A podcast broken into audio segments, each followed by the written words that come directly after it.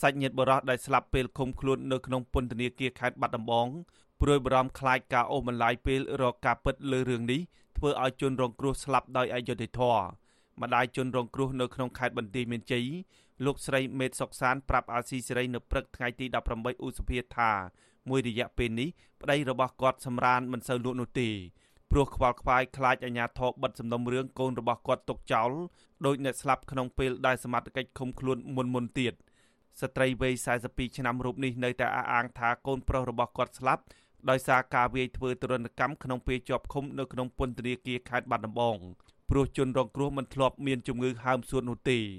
ងល់នឹងមិនអស់ចិត្តនឹងកូនធ្វើទរណកម្មកូនឲ្យស្លាប់ហើយស្ងាត់ជ្រាបចង់ឲ្យនាយករដ្ឋមន្ត្រីដើររឿងក្តីនឹងហាត់ឆាត់ឡើងធ្វើថាមូលហេតុអីបានគេធ្វើទរណកម្មកូនខ្ញុំដល់ស្លាប់វាអយុត្តិធម៌ចំពោះកូនខ្ញុំពេកខំចាំកូនតាំងពីទូចមកមិនដែលអីមិនដែលអីដល់គេហ៊ានធ្វើបាបកូនខ្ញុំដល់ថ្នាក់ហ្នឹងប៉ុន្តែនិយាយវាមិនចេញលោកពុកនិយាយវាមិនចេញថាយើងអីគេមិនកាត់ព្រោះតែយើងក្រតែយើងស៊ូក៏យើងគ្មានអីទៅស៊ូគេយើងបានតែឈោមើលកូនយើងគេធ្វើបាបហ្នឹង កាលពីថ្ងៃទី12ខែឧសភាមន្ត្រីគណៈកម្មាធិការជាតិប្រឆាំងទរណកម្ម2នាក់បានចុះទៅជួបគ្រួសារជនរងគ្រោះនៅក្រុងប៉ោយប៉ែតឲ្យផ្តិតមេដាយលើឯកសារដែលបានផ្ដល់សម្ភារពួកគាត់ដើម្បីស្រាវជ្រាវរកការពិតលើការស្លាប់នេះលោកស្រីមេតសុកសានថ្លែងថាចាប់តាំងពីពេលនោះមក សមាជិកមិនបានផ្ដល់ដំណឹងស្រាវជ្រាវថាយ៉ាងណាដល់ពួកគាត់ឡើយឆ្លើយតបនឹងបញ្ហានេះ មន្ត្រីគណៈកម្មាធិការជាតិប្រឆាំងទារុណកម្មលោកតបសំភីប្រាប់អាស៊ីសេរីថាលោកបានបញ្ជូនសំណុំរឿងបរិសម្នាក់ដែលស្លាប់ក្នុងពេលជាប់ឃុំនៅក្នុងពន្ធនាគារខេត្តបាត់ដំបងនោះដាក់ទៅប្រធានអង្គភិបរួចហើយនៅព្រឹកថ្ងៃទី18ឧសភាដើម្បីមានវិធានការបន្ត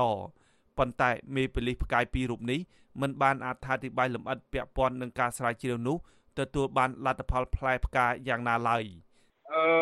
ដោយសារពួកខ្ញុំស្ទឹមតែដាក់ឆ្លងបាការគាត់ព្រឹកមាញ់នេះអញ្ចឹងខ្ញុំអាចនិយាយច្រើនក្រៅពីនេះដោយសារការសម្រេចអីគឺការសម្រេចរបស់អ្នកដឹកនាំអញ្ចឹងបងបើសិនជាបងអាចមានចង្អុលអីអាចទួទៅអាដាមទីគ្រូដែលជាប្រធានដឹកនាំក្រុមអញ្ចឹងណាជនរងគ្រោះឈ្មោះពិនកំសែងត្រូវសមាជិកខេត្តបាត់ដំបងចាប់ខ្លួន បញ្ជូនទៅឃុំនៅក្នុងពន្ធនាគារខេត្តនេះកាលពីដើមខែកុម្ភៈពាក់ព័ន្ធនឹងការបាត់ម៉ូតូរមាក់កង់3មួយគ្រឿងរបស់ពលរដ្ឋនៅក្នុងស្រុកកំរៀងខេត្តបាត់ដំបងជនរងគ្រោះបានស្លាប់ក្នុងពេលដែលប៉ូលីសចាប់ខ្លួនដាក់ពន្ធនាគារប្រហែល3ខែប៉ុណ្ណោះក្នុងវីដេអូឃ្លីបដែលអាស៊ីសេរីទទួលបាន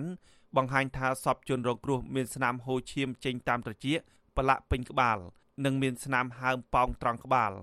អ្នកនាំពាក្យអគ្គនាយកដ្ឋានពន្ធនាគារនៃក្រសួងមហាផ្ទៃលោកនុតសាវណ្ណាបានបញ្ជាក់អះអាងថាជនរងគ្រោះស្លាប់ដោយសារតែជំងឺហើមសួតធ្ងន់ធ្ងរទោះជាយ៉ាងណាក្រុមគ្រូពេទ្យមានប្រសាសន៍ថាជំងឺហើមសួតមិនបណ្ដាលឲ្យសពទុនកនិងហើមក្បាល ហើយហូរឈាមតាមត្រចៀកនោះឡើយជុំវិញរឿងនេះមន្ត្រីសម្របសម្រួលសមាគមសិទ្ធិមនុស្សអាត់ហុកខេត្តបាត់ដំបង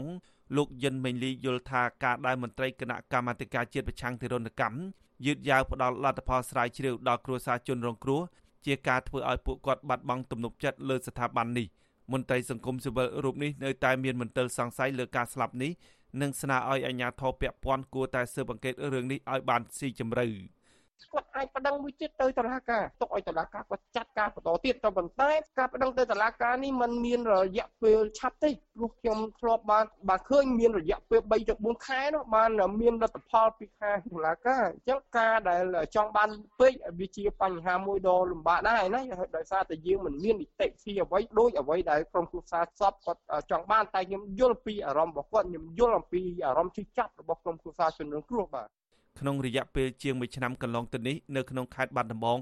មានជនជាប់ឃុំចំនួន3នាក់ហើយដែលបានស្លាប់នៅក្នុងពេលដែលសមត្ថកិច្ចឃុំខ្លួនការស្លាប់ទាំង3ករណីនេះសាកសពមានស្នាមជាំជាច្រើនកន្លែងដូចជាដងខ្លួនដៃ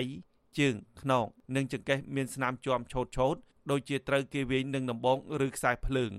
លើពីនេះជនរងគ្រោះទុនកខប្រកដីប្រៀបដូចគេវាយបំបាក់ឆ្អឹងកសាច់ញាតិរបស់ជនរងគ្រោះសុទ្ធតែចាត់ទុកករណីស្លាប់នេះ ថាជាការវាយធ្វើទរណកម្មក្នុងពេលដែលសមត្ថកិច្ចចាប់ឃុំខ្លួន